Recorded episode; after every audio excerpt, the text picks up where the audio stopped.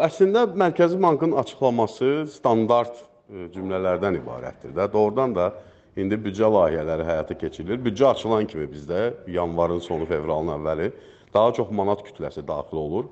Və bu artıq etirafdır həm də ki, o manat kütləsinin bir qismi valyutaya yönəlir və valyuta olunaraq ölkəyə ölkədən çıxır. Yəni daha çox ölkəyə hansısa bir layihələrin həyata keçirilməsi üçün avadanlıqların, maşınların, texniki vasitələrin alınmasına sərf olunur və bu ə, valyuta olan tələbatı artırır. Bir də Novruz bayramı öncəsi Zaten bizdə ə, yerli məhsulların bazardan azalması ilə əlaqəli xarici məhsullara tələbat daha da artır.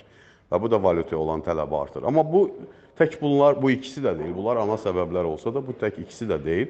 Və Mərkəzi Bank da cavab verməyə gecikdi.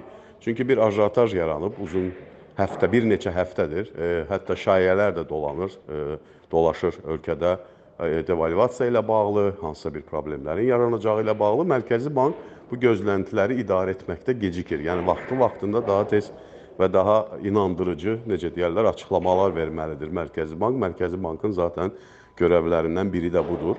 E, və bu açıqlama e, heç olmasa indi verilməsi də yaxşıdır, amma bundan sonra daim ictimaiyyətə bu tipli məlumatlar verilməlidir.